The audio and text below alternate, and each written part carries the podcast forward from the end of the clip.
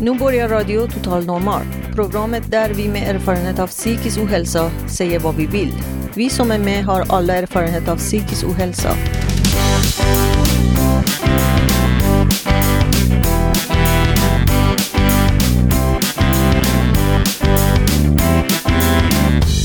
Du lyssnar på Radio Total Normal 101,1 MHz. Totalt normalt. Radio Total Normal, torsdagar från två till halv fyra. Vi livesänder med publik från Götgatan 38 i Stockholm. Kom hit och lyssna. Här är alla röster lika värda.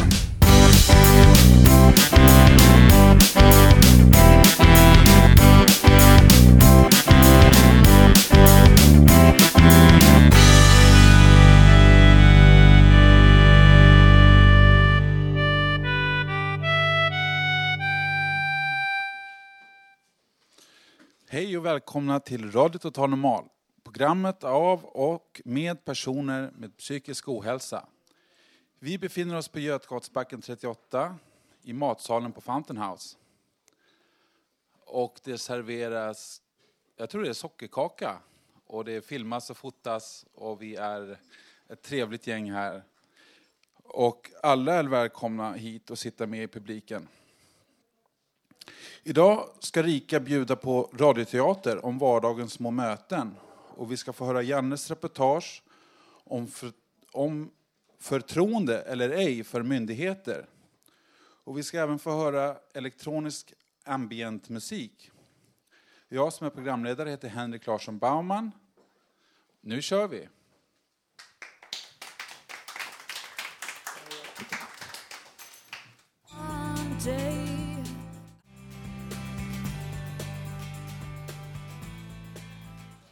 Ni lyssnar på Radio Total Normal 101,1 MHz. Vår medarbetare Robert Naverstam ska läsa en monolog. Tankar om våren och annat. Varsågod Robert. Ja, jag ska läsa en monolog idag. Och det handlar även om eh, associationer till namn och vår och annat. Ja, gott folk, nu är det vår. Det är vår på jorden, på norra halvklotet, så in i Norden. Visst, nu är det parningstid. Nu ska det lakas och regleras, kopuleras och transplanteras.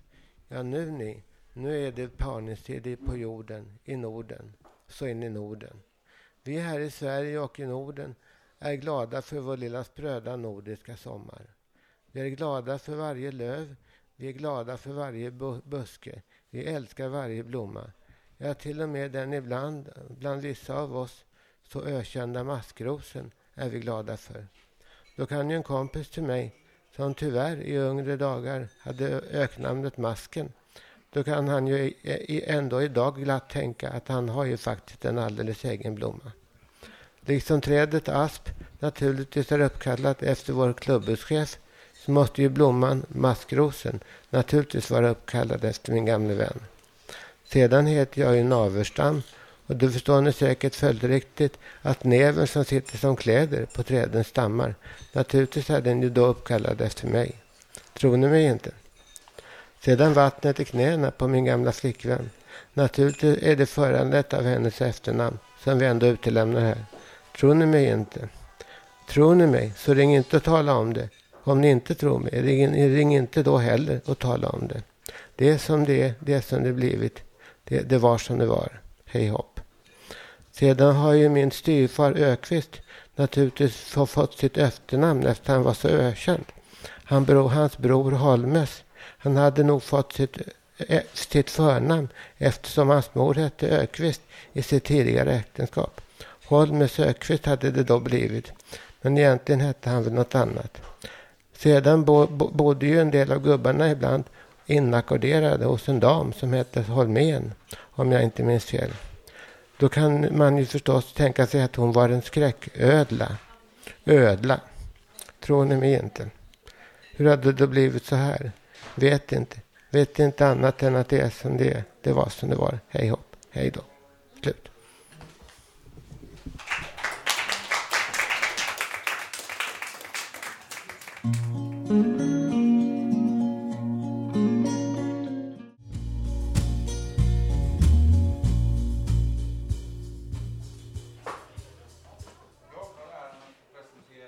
Fantastiska medarbetare Rika som sitter här bredvid mig. Hon ska bjuda på lite radioteater. Varsågod Rika.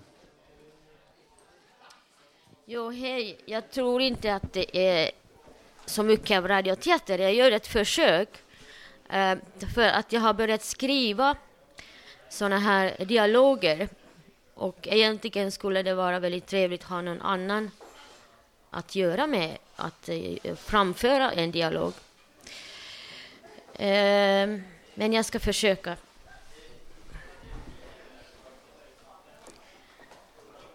Det är en park någonstans i Stockholm.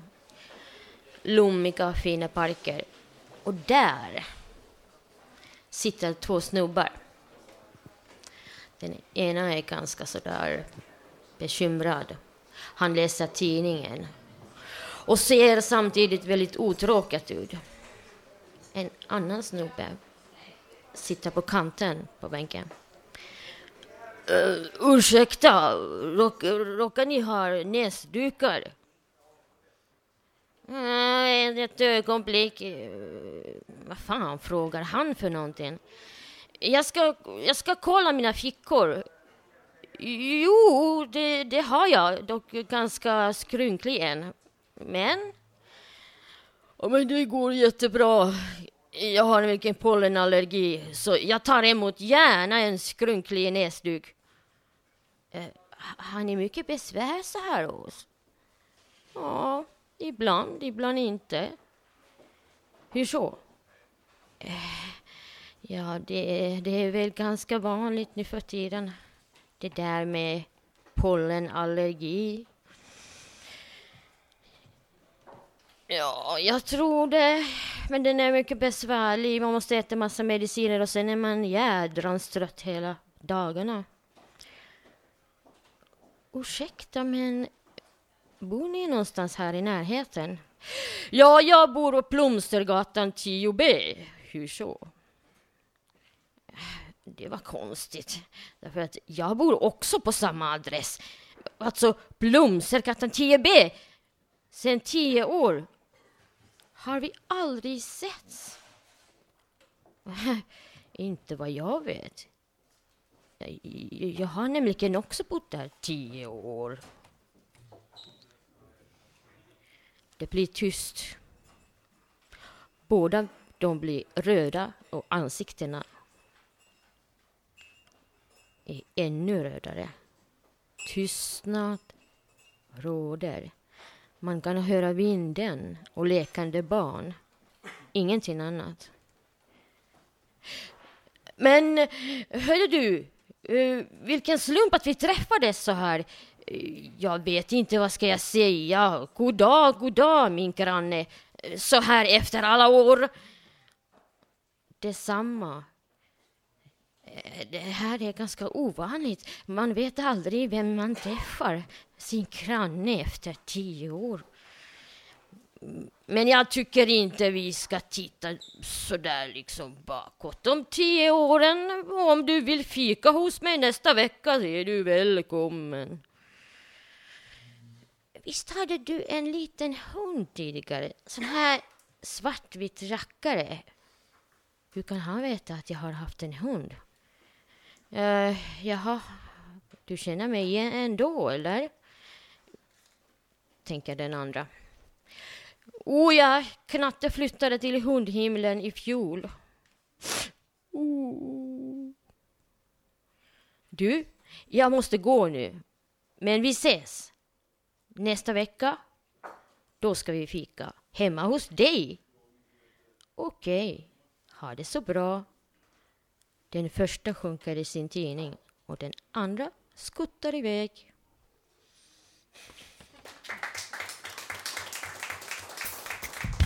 Det här är Radio Total Normal, programmet som görs av människor med erfarenhet av psykisk hälsa och ohälsa. Våra röster är också viktiga.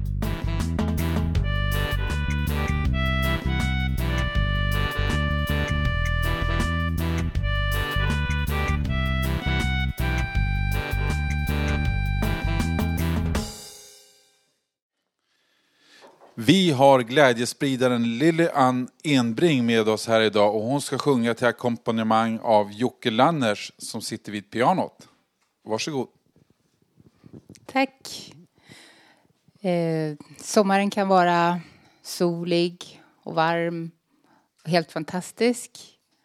Eller den kan vara regnig och kall och ja, som idag. Sommaren är kort. Jag ska sjunga Summertime.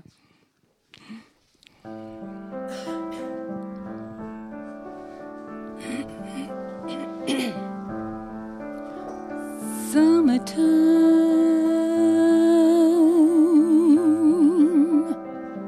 and the living is easy.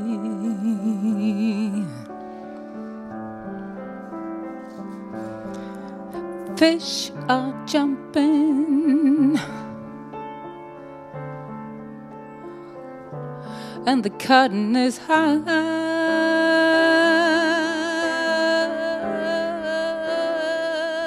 Oh, your dad is rich. And, and your mom is good looking.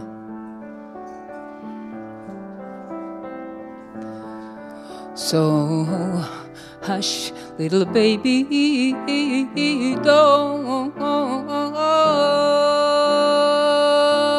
you cry. One of these mornings, you you're gonna rise up singing. Oh yeah. Mm. Then, then you spread your little wings. You spread your little wings, and and you take to the sky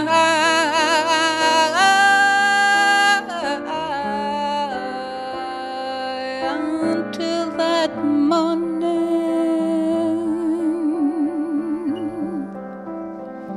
There's nothing can harm you.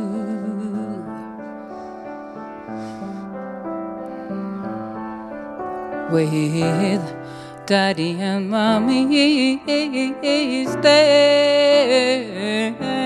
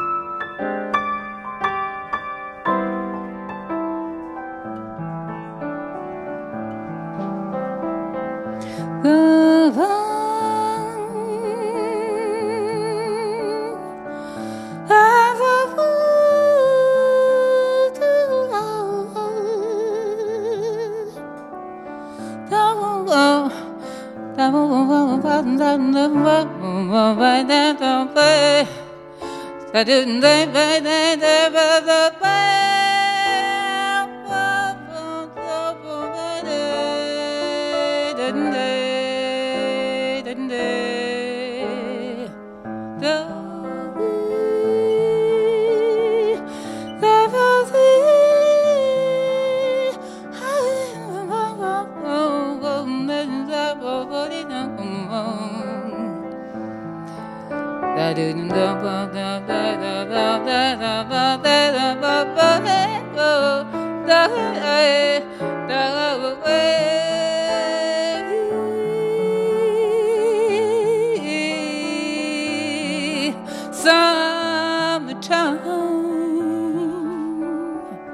And and the living, the living is so easy.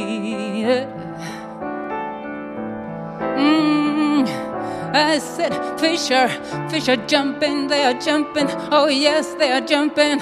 Oh oh, oh, oh, and the cotton, the cotton is high. high, high, high, high.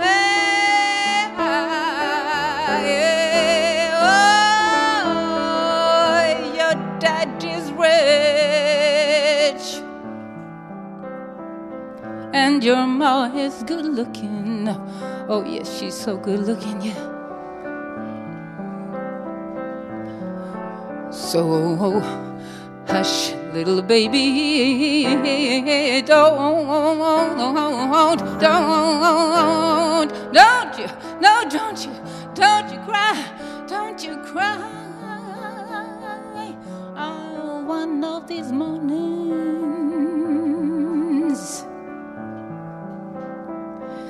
you're gonna rise up singing. Oh, you're gonna rise up singing, baby. Mm, yeah. Mm, Then, then, then you spread your little wings. Yeah, you spread your little wings. And you take to the sky.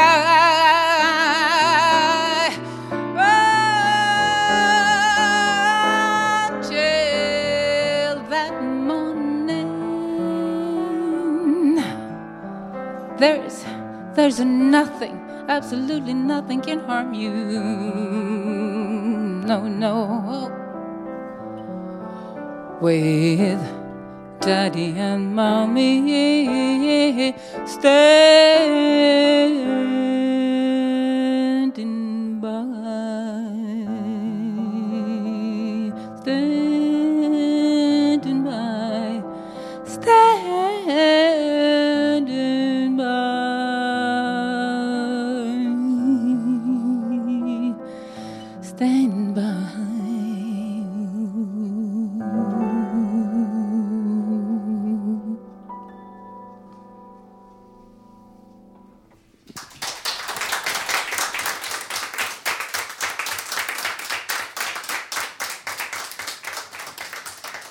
Tack så mycket, underbart. Förra veckan fick vi tekniska problem och därför sänder vi det som utgick då nu idag istället. Temat är fördomar kring psykisk ohälsa. Programledaren förra veckan var Susanna. Nu tänker vi prata kring ett tema som ska handla om fördomar kring psykisk ohälsa. Vi kommer att höra några av våra medarbetare här på Radio Totalnormal berätta om sina erfarenheter av fördomar som de träffat på i sin omgivning i arbetslivet, bland folk i allmänhet, vänner och inom vården. Först av allt ska vi höra en intervju med Alain Dupoir som är forskningsledare kring psykisk ohälsa vid Stockholms södra samt universitetet i Stockholm. Vår reporter Karin Lundgren har träffat honom. Vad är de vanligaste fördomarna kring psykisk ohälsa? Jag tänker jag kan nämna två saker. Två. En av dem som många inte tänker som fördom. Och det är att eh, psykiska problem, störningar, allvarliga är obotliga, eh, kroniska eller någonting sånt. Det, det tror jag är en fördom som är väldigt spritt. Och ett annat eh, fördom är en koppling mellan psykiska problem och våldsamhet, aggressivitet. Och det, det är de två kanske vanligaste fördomar kan jag tänka mig.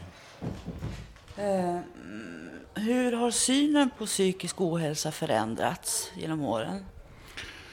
Alltså jag tror att under en, en period så eh, skedde väldigt positiva förändringar. Eh, människor som tidigare hade gömts undan på mentalsjukhusen kom ut. Och eh, många kunde uppleva konkret eh, att det ledde inte till några större problem för omgivningen utan Eh, Eh, och de, den dagliga kontakten mellan människor med psykiska problem och människor som inte har så många psykiska problem, den normala befolkningen som man säger, gör att man, fördomar kan försvinna i den kontakten. Eh, då man får erfara att det inte händer no några märkligheter som folk är rädda ska hända. Eh, så det tror jag pågick under en längre tid. Men sen inträffade någonting som jag tror inträffar mest i massmedierna. Och det är plötsligt en eh, oförklarlig koppling mellan eh, psykiska problem och våld. Det är naturligtvis en del oerhört tragiska händelser som inträffade lite tätt på varandra. Men tittar man statistiskt sett så har inte eh, våldet ökat eh, till följd av att människor med allvarliga psykiska problem har skrivits ut från mentalsjukhusen, utan det är konstant. Men massmedierna drev på den kopplingen och eh, skapade fördomar, tror jag. Sen har psykiatrin stått för den andra fördomen. Det är fortfarande inte ovanligt att eh, läkare inom psykiatrin säger till patienten att de har eh, fått en diagnos som heter till exempel schizofreni och att den diagnosen är obotlig. Och det skapar då en, en, en fördom, inte bara hos den personen, att jag kommer aldrig att må bättre eller varaktigt bättre, utan det skapar även förväntningar och fördomar hos människor i, i den persons omgivning. Och ute i samhället, eh, bland människor, där ordet schizofreni till och med blir oerhört skrämmande. Så att mm, jag tror att det, det skedde en förbättring under 80-talet, 90-talet, kanske ett tag under 90-talet. Men att vi har gått tillbaka på senare tid. Det är det här att man tror att eh, psykisk ohälsa betyder att människor är farliga. Eh, mm, jag tänker på mordet på, på Anna Lind till exempel. Där är vi en vändpunkt där. Det, det, är en vändpunkt. Det inträffar flera sådana fruktansvärda händelser där människor som har varit i kontakt med psykiatrin eh, är, delaktiga, i huvudaktörer i. Men eh, det är också hur massmedierna använder detta tror jag som skapar Eh, en, en, gigantisk backlash när det gäller fördomar. Därför att det finns ledande forskare som Martin Grant till exempel som går ut i massmedia och påtalar att detta är ingen ökning utan det är en försvinnande minoritet av människor som har psykiska problem som begår våldsbrott. Och det är ofta kopplat till narkotika också. Eh, när det inträffar. Men de våldsammaste människorna, alltså de flesta våldsdåd i vårt samhälle görs av människor som har inga som helst psykiska problem, ingen kontakt med psykiatrin. Men det försvann, utan det blev brasklappar, alltså stora nyhetsinslag eh, uh, i alla former av massmedia som kopplade psykiska problem med, med våld. Det finns ingen grund för det och därmed är det en fördom. Hur är det med, eh, man skriver ju ofta ut mediciner här i, i Sverige, är ju det vanligt. Hur ser du på det? det är det också någon fördomsfull inställning hos läkare och vårdpersonal?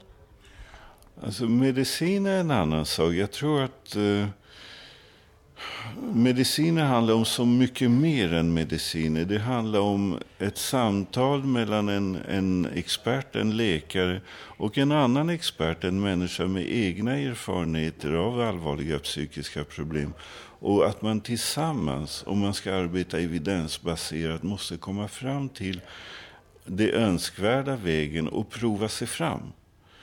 Och då finns det patienter som, som vill ha mediciner och det finns ibland svåra situationer där medicinen kan innebära en, ett viktigt inslag i en behandling. Det som kanske är en fördom det föreställer att alla människor som kommer i kontakt med psykiatrin ska ha mediciner. Och ibland ska ha medicin under väldigt lång tid och ibland i ganska märkliga doser, om jag får säga så. Märkliga kombinationer där man inte tar så mycket hänsyn till biverkningar. Där finns en, en ett stort problem och, och, jag tror att vi i Sverige kommer om några år att eh, slåss av eh, de biverkningar som även de nya preparaten ger och som idag förnekas lite grann från psykiatrins sida. Hur ska man göra för att få bort fördomar? Ja du, om, om jag hade svar på den frågan så vore jag lyckligare. Ja, uppriktigt sagt så vet jag inte. Jag vet att om, om jag jobbar kliniskt äh, träffar patienter så måste jag dels ta hänsyn till fördomar omkring dem men också fördomar som de kanske har om sig själva. Eh, till exempel många tror att de har ett livslång sjukdom. Och, och det, det, finns inga eh, bevis för det att någon har. Så det är självklart eh, i det lilla, i det konkreta mötet med brukare, med anhöriga, med folk omkring så kan jag arbeta för det. Sen kan jag försöka, mm, både som brukare, som personal och anhörig, försöka förmedla till vänner och till mig, mig själv och, och, och andra att Eh, det finns fördomar om det och försöka genom det motverka. Men jag tror i stort så finns det eh, ändå en politisk nivå som inte har med psykiatrin att göra, men med att skapa ett samhälle där folk har möjlighet att arbeta, där folk som inte förmår arbeta får ändå en bra ersättningsnivå så de inte lever i misär. För jag tror att våra fördomar rör sig mycket om fattiga människor och om rädslan att själv bli fattig. Och då lägger vi på dem allt som vi är rädda för. Och mot det så tror jag tyvärr inte så mycket på att man kan eh, upplysa människor. För människor vet någonstans att har man psykiska problem så är man en vanlig människa också. Men när man blir rädd eh, av olika anledningar, då slutar man tänka. Och det är ju det att eh, den här rädslan man har blir starkare kanske än Eh, vanligt förnuftigt tänkande? Jag tror det. Och sen, jag vet nu att regeringen tror jag ska satsa pengar för en kampanj, upplysningskampanj om detta. Jag har varit med om flera sådana kampanjer tidigare i Sverige och jag har läst om deras effekt i resten av världen. Och faktiskt, vi vet att de har inte så stora följder.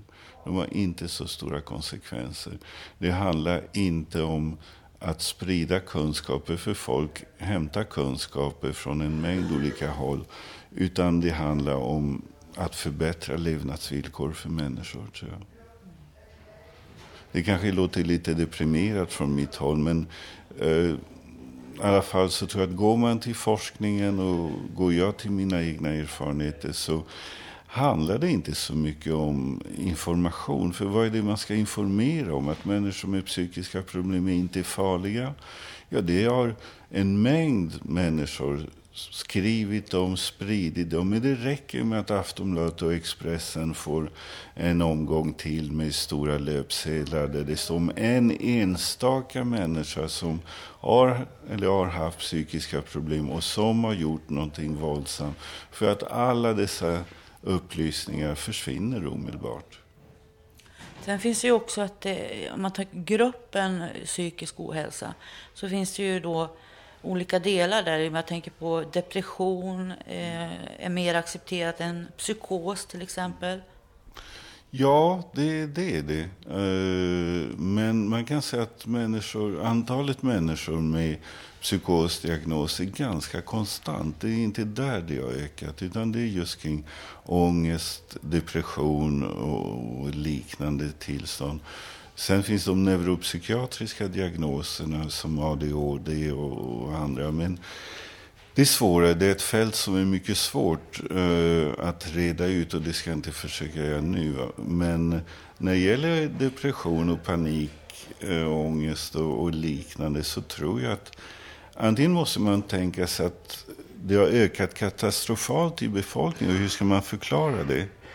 Om, om man vill ha en biologisk förklaring till det. Om man ser på ett annat sätt så kan man säga att i samband med att det lanserades läkemedel för dessa denna typ av frågor så började fler och fler få de diagnoser och få de medicinerna utskrivna. Det ena aspekten. Och det andra är den växande otryggheten i vårt samhälle. Det är, och den växande otryggheten, det är inte på gator. Alltså hot om våld, det har inte ökat nämnvärt. Det tror jag inte.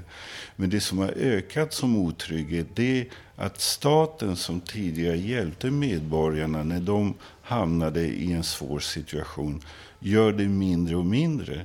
Vi som har goda inkomster, vi betalar lägre och lägre skatter och vill behålla våra pengar för oss och inte tänka i solidariska termer att människor som har det sämre har också rätt till ett, ett värdigt liv. Det tycker jag är en, en mycket... Eh, det, det, det skapar en gigantisk otrygghet, tycker jag. Tack så mycket. Tack. Eh, nu tänkte jag prata om eh, just det här temat fördomar. Mina personliga erfarenheter just när jag har eh, varit i kontakt i psykiatrin. Det är väldigt många år fast jag är ung. Jag är 35 år. Jag har haft kontakt i 14 år i psykiatrin. Jag sökte i, i tidig ålder kontakt. Eh, och eh, jag har eh, varit deprimerad i omgångar. En yttre orsak som gjorde att jag sökte kontakt. kontakt. Men just det här kring fördomar som jag har upplevt så det som vi hörde här precis att det är mycket okunskap och rädsla som gör att eh, folk kanske känner igen sig själva. De vill inte lyssna. Det här, det här blir för mycket liksom om man börjar prata, speciellt med människor som man inte känner så bra. Jag har lärt mig liksom att tänka på mig själv och inte berätta i första taget. Så, men ändå så är det mycket ja, okunskap och sin egen rädsla som jag har märkt att folk blockerar och inte vill lyssna. Jag praktiserade för ett år sedan, jag arbetstränade på ett sjukhus här i Stockholm eh, på en sterilcentral och eh, jag har varit borta väldigt många år från arbetslivet och jag tänkte hur ska jag fixa det här när jag kommer dit och förklara. Jag, har varit borta i tio år. Det är så det ligger till. Men sen fick jag lite frågor när jag började där. Ja, vad har du eh, råkat ut för? Varför är du sjukskriven? Det, inom sjukvården så förstår ju folk att eh, man kan må dåligt och sådär. Det, det är inga problem med det på så sätt. Men just, ja, just det här att jag har varit borta så många år, det, det kommer jag aldrig berätta tänkte jag. Inte en chans. Ja, ett par år sa jag. Det är ett tag eller sådär. Men sen fick jag en reaktion en gång liksom att eh, jag sa ett par år, två år. Men gud, jag, jag kände liksom det, det, är inte roligt att bli bemött så. Tänk om jag kunde ha sagt sanningen som det ligger till. Jag pallar inte trycket att säga. Det, det är så många år. Jag tror det är mycket okunskap så jag har lärt mig liksom att inte utlämna mig själv, främst till personer inte jag känner. Det får man ta efterhand sådär, men eh, det, det, krävs mer information i samhället kring just psykisk ohälsa, att man inte har det som tabubelagt, liksom, tycker jag. Att ha det mer öppet. Det har blivit öppnare i samhället, men det, det är långt kvar kan jag säga. Tack. Och nu lämnar jag över ordet till Linda. Varsågod. Hej. Hörs den? Nu här. Hej. Jag skriver till er angående tjänsten som konferensvärdinna. Jag heter Linda Åkesson, är snart 32 år och jag tror att jag skulle passa väldigt bra in i ert gäng. Jag är nämligen ambitiös positiv, stresstålig, social och har lätt för språk. Dessutom är jag lugn och jag kan ta olika sorters människor Jag är flexibel och kan anpassa mig till olika situationer. Vad ser du framför dig nu? En välsvarvad virvelvind med rosor på kinderna? Jo, visst, eh, de brukar kalla mig för virvelvind för att eh, jag är väldigt energisk. Och eh, välsvarvad vet jag inte om jag är, men eh, jag tränar så fort jag hinner och, och sådär. Um, så du vill att jag ska komma på anställningsintervju då? Tack, det var trevligt. Jag försöker verkligen anstränga mig för att klä mig propert och sminka mig lagom och vara lugn och sansad under intervjun. Men jag ser vad du tänker, även om du försöker dölja det. Vad gör hon här? En sån där? Vad kan hon tillföra oss? Hon kommer bara ställa till problem, tappa saker i golvet och skrämma bort våra gäster. Henne vill vi ju inte ha här.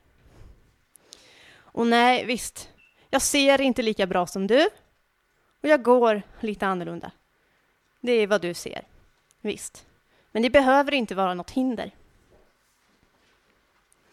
Jag har utbildning. Jag har många utbildningar. Och trots det så har jag råkat ut för fördomar. Ända sedan jag sökte mig till arbetslivet. Nej förresten, ännu längre tillbaka. Ända från, ända från början. Alla människor, nästan alla som har varit nära mig, har haft speciella åsikter om mig. Att jag inte kan, att jag inte ska ställa krav, att inte jag ska tro att jag är någonting speciellt. Skolan har haft problem att ge mig praktikplatser. Min mamma har sagt till mig att jag måste acceptera att jag aldrig kommer att få något jobb. Jag ska vara glad att jag har sjukpension. Alltså sjukpension, jag är sjukpensionär, kan ni fatta det? Låter jag som en pensionär? Nej, det är jag inte heller. Jag har eh, åtminstone 30 år kvar. Till det blir dags för det. Och jag skäms varenda gång jag visar upp mitt intyg från Försäkringskassan trots att det ger mig rabatter på tågbiljetter och biobiljetter och sådana saker. Jag känner mig ganska värdelös. Jag har med åren dragit på mig psykisk ohälsa, depression och lite annat. Och när jag har försökt söka hjälp så har de skyllt det på mina fysiska funktionshinder. Och ja, visst, de fysiska funktionshindren gör det värre de, gör de, de psykiska hindren gör det, de psykiska värre. När jag är deprimerad så upplever jag ju att jag ser sämre och går sämre. Självklart, det blir ju så. Detta skapar i sin tur vissa hinder på arbetsmarknaden. Jag blir osäker. Jag vet ju inte vad jag klarar av. Jag har aldrig fått någon ärlig chans att visa det. Så om jag bara fick det så skulle jag inte göra någon besviken. Alltså jag vet det innerst inne. Självförtroendet finns ju där någonstans. Så snälla, snälla, snälla, snälla, snälla. Ge mig en chans att visa att jag kan. Alla kan arbeta med någonting. Alla kan det. Tack.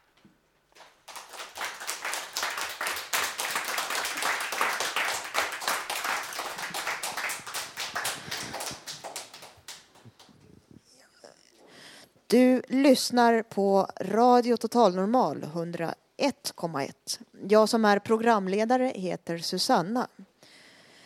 Nu tänkte vi ha en publikdiskussion kring detta.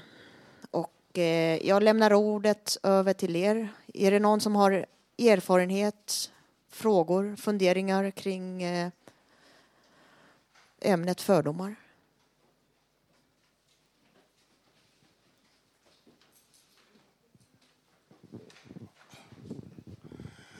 Ja, vi har ju fördomar till alla ungdomar. Jag tänker just de ungdomarna nere i Malmö där det blir en massa bråk. Jag tror att de ungdomarna inte gör det för att jävlas. Utan jag tror att de vuxna inte tar dem på allvar. Det är dags att vi som är vuxna, som påstår att vi ska vara så förnuftiga, vi lär dem att de ska eh, se till hur hjärtligt än de gör. Men vad gör vi vuxna? Jo, vi skyller ifrån oss att vi, vi har inte tid, vi ska...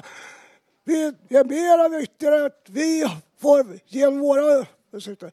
Jag tycker det är dags att vi vuxna tar vårt ansvar och inte låter det gå. Eller ska vi ha en stad där alla ungdomarna bara går ut och ja, använder narkotika eller dricker sig kanonfulla och inte vet var de ska ta vägen.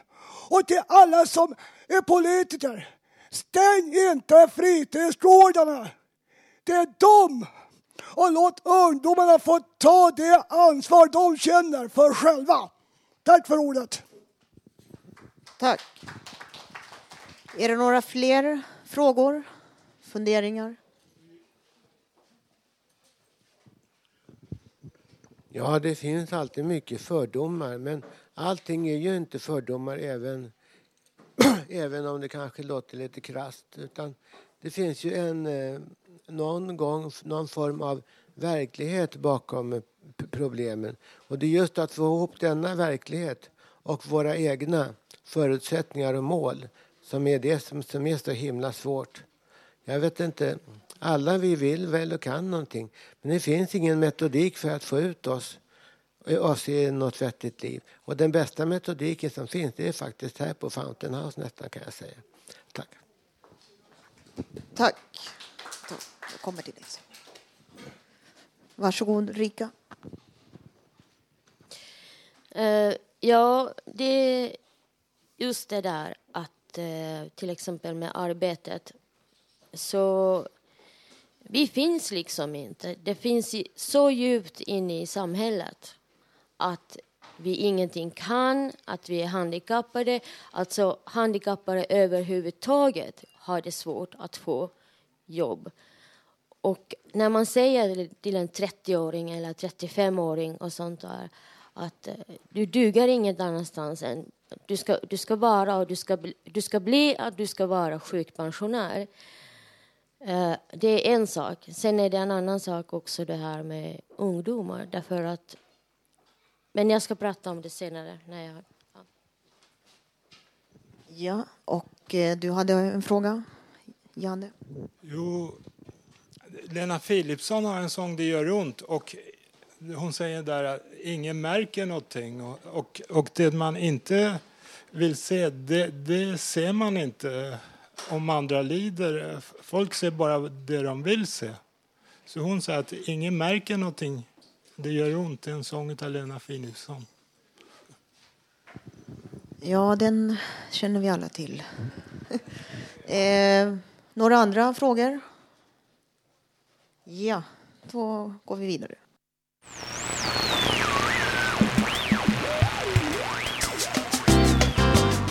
Radio Total Normal, nästan ett program som alla andra. Enda skillnaden är att vi som gör programmet har erfarenhet av psykisk ohälsa.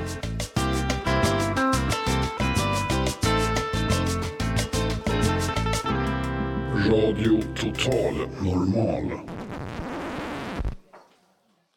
Jag får tacka för de här fina inslagen från förra veckan. Nu är vi tillbaka live med Radio Total Normal 101,1 MHz. Och jag som är programledare idag heter Henrik Larsson Baumann. Det går även att lyssna på oss på nätet. Då går du in på vår fina hemsida radiototalnormal.se. Där kan du även lyssna på programmen i efterhand. Om du vill mejla till oss så är adressen info radiototalnormal.se.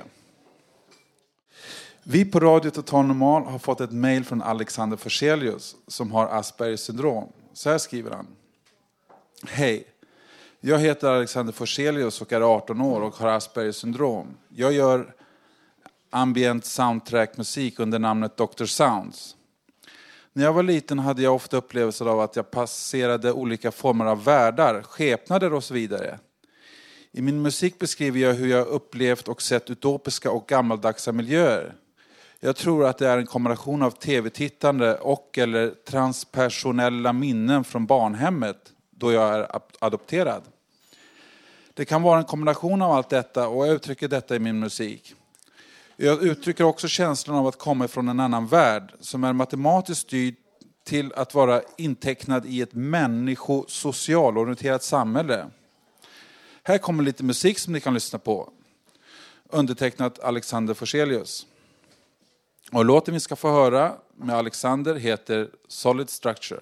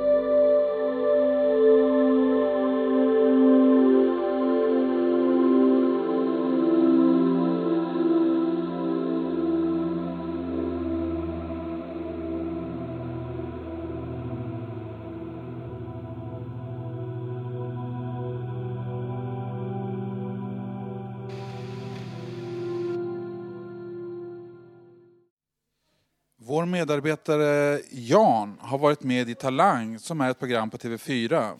Han ska läsa en text nu för att, som han själv säger, se hur publiken reagerar. Varsågod Jan. Ja, det var någon som sa att det gör ont och vi har ont om tid så jag kommer inte ha så mycket tid. Jag skulle spela en DVD här på, fri, på det här stället och man måste ha ett lösenord. Då fick inte jag spela, då sprang jag hem. Så då skulle jag prata om patientjournalen och då har jag någonting som heter att gå bakom ryggen. Då har psykiatrin förvandlat dem till förföljelse. Jag tyckte jag haft grannar och kyrkan och de har gått till ryggen. Det händer ju även att läkarna går på, på, bakom ryggen på varandra och håller på och smusslar och snackar skit. Så, men inom psykiatrin så formulerar de det till förföljelse. Så. Och jag har tagit medicin här förut och då har jag haft något som heter IBS. Och jag hade någon medicin som hette Haldol. Och jag slutade med den och då har min, mina magproblem försvunnit. Och då kunde jag bli väldigt nervös när jag satt och väntade så här så jag måste springa på toaletten. Och det var någon tjej där som hette Pernilla Falk. Och så, och den sjukdomen kan, vet de inte riktigt vad den beror på, om det är, ma, eh, om det är kroppsligt eller psykiskt. Men när jag slutade med de här tabletterna så, så försvann den här uh, sjukdomen från mig. Och jag har också fått Aspergers syndrom. Jag har haft borderline personlighetsstörning. Så, så, det är inte, så man kan gå ett helt liv med felaktig medicin. Och de har gjort massvis med tester här på Sankt Göran för att komma fram till det. Och de, de ska intervjua två personer från barndomen också, så de vill också med barndoms... Min bror och en annan, men det tycks inte vara att den där psykologen gör sitt jobb. så jag kanske får göra en anmälan till patientnämnden. De vill ha också hur man var när man var som liten. Mina föräldrar är döda så de kan de inte intervjua längre. Så. Men det är, det är någon slags forskning de bedriver där. Men det är en helt annan medicin. Men vissa grejer är ungefär samma sak. I, men, men för att få nya sådana där uh, tester och sånt, då måste man kämpa för det. Men går man ett helt liv med felaktig medicin, då är det värdelöst. Nu är det slut.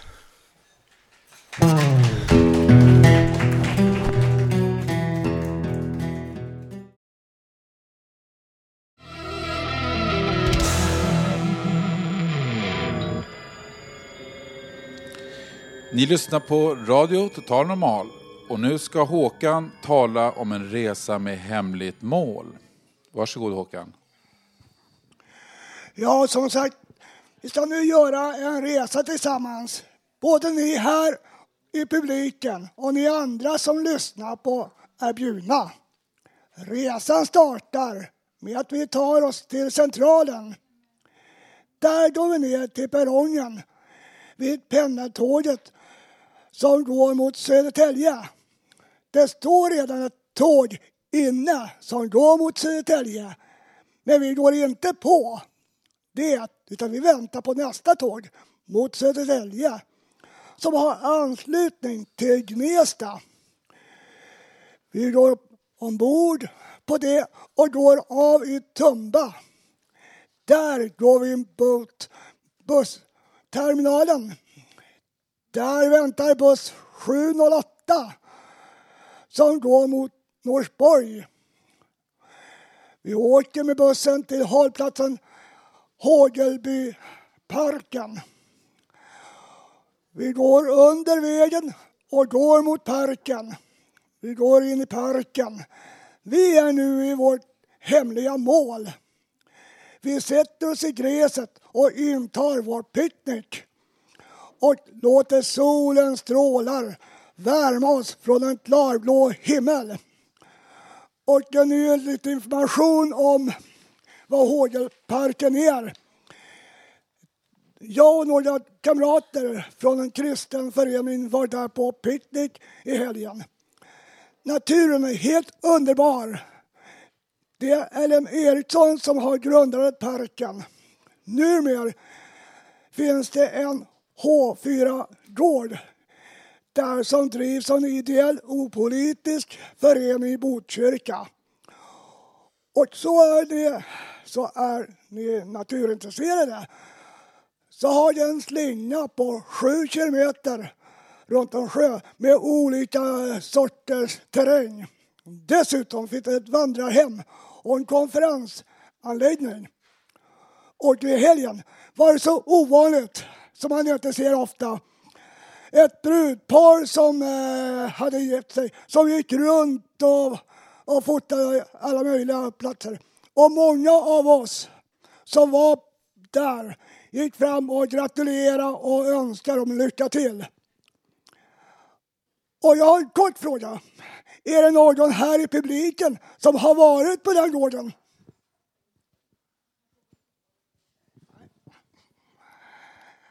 Nej, gör gärna... Då jag kan rekommendera att du gör det. Tack för mig.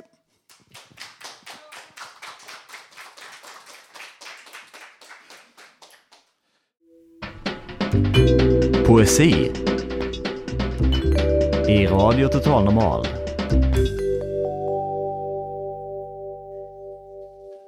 Ja, nu kommer Rickard att läsa Ulf Torells dikt om Hammarbyhöjden och turer på Atlanten. Varsågod Rickard. Jul var december. Idag är fredag. September var höst. Nu är 2009. Igår var torsdag. Jag bor i Hammarbyhöjden. Morgonen är ljus. Ett fartyg reste 1969-70 på Atlanten. Jag arbetade på det. Var i Tyskland, Belgien, på ön Sydamerika. Nu är vår. Förra året var 2008. Jag är 56. Lucia, nyår var vinter.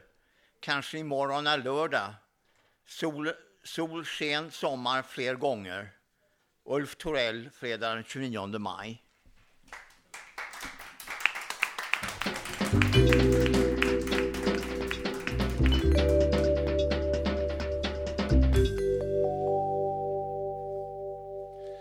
Och vår medarbetare Susanna Skogberg ska läsa en dikt. Varsågod. Tack. Jag tänkte läsa en dikt av en, en Sveriges mest kända författare, Gustav Fröding. Han eh, föddes 1860 och dog 1911. Han blev 50 år. Han eh, skrev mycket dikter om eh, ont och gott och teologiska problem. Och här är en dikt, Tröst. När sorgen kommer, som när natten skymmer i vilda skogen där en man går vill. Vem tror på ljuset? Som i fjärran rymmer och sken som skymta fram och flämta till.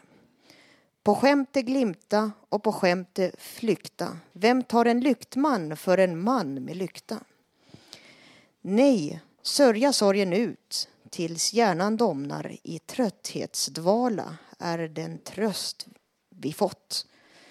Det är som vandran som går och vill och somnar på mossans mjuka dun och sover gott. Och när han vaknar ur den skumma drömmen ser morgonsolen in i skogens gömmen. Tack. Direktsänd radioshow producerat av oss med erfarenhet av psykisk ohälsa.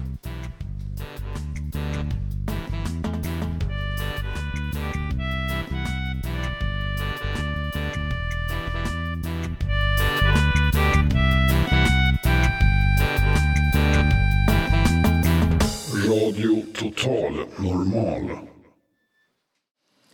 Nu ska vi få höra Lilian Enbring och Jocke Lanners. Eh, De ska köra en låt till. Varsågoda. Tack. Vi ska försöka ta er med till Västindien, till Cantaloupe Island. Brist på sommaren här i Sverige. Får vi lite värme där nerifrån.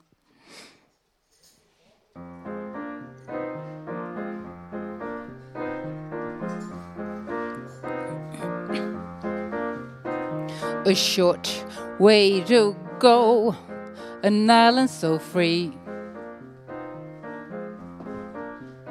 You close both your eyes, believe what you see. You'll be there in no time flat. Baby, that is where it's at.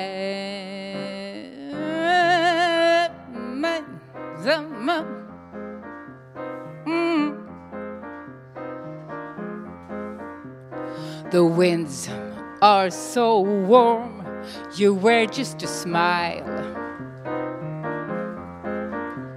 You eat and you laugh and love all the while. But beware the happiness, you get lost in loneliness. Oh, mm, mm, mm,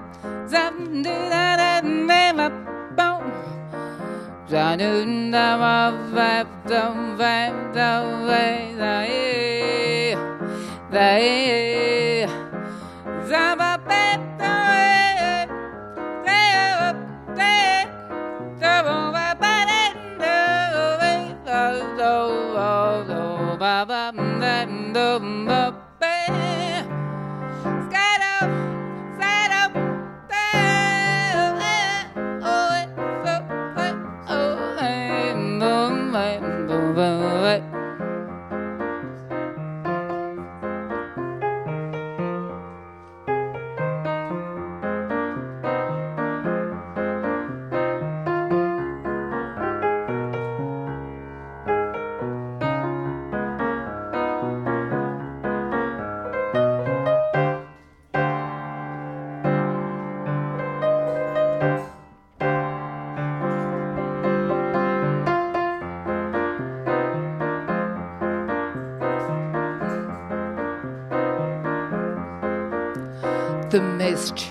from the sea will hide you away. The game that you play will turn out today. You'll be gone for sure, my friend.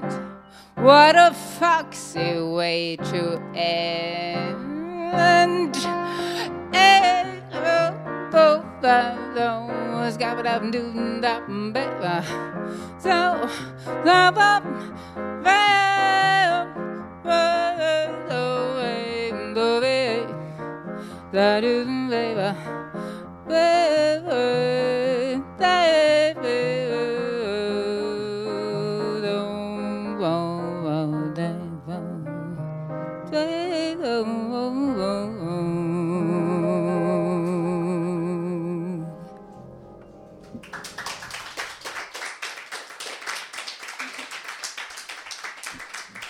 Tack för den fina musiken. Du lyssnar på Radio Total Normal och bredvid mig har jag vår medarbetare Peter och han ska ge oss ett mattips. Varsågod Peter. Eh, jag har ett recept på ett, en gratinerad getost chèvre. Och eh, ingredienserna till det här receptet eh, innehåller följande. 2-300 gram getost, 4 matskedar honung, gärna flytande, ett paket rucola, ett huvud isbergssallad och eventuellt valfria andra sorter om man vill. Ett paket cocktailtomater, fyra skivor ljust bröd. Eh, tillagningen sker som följer här. Sätt ugnen på 200 grader. Skiva getosten och fördela över brödet tillsammans med honungen. Baka i cirka 10 minuter tills mackorna fått fin färg. Rensa och skölj salladen. Bryt isär isbergsbladen och blanda med rucola. Lite olivolja, salt och peppar. Dela cocktailtomaterna. Lägg sallad i mitten. Tomater runt och toppa med snedskurna getostmackor. Ja, då var det klart.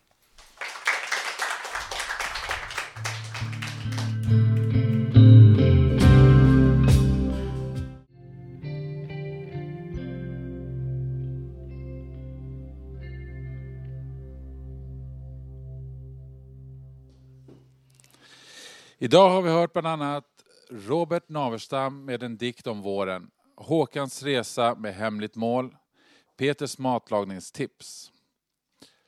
Producent idag har varit Iji Maciel och Hanna Samlin. Tekniker Leni Günther och Gustav Sondén. Musikläggare Peter och Susanna.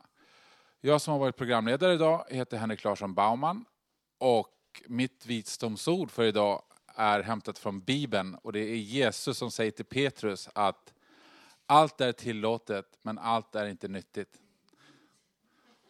Tack så mycket.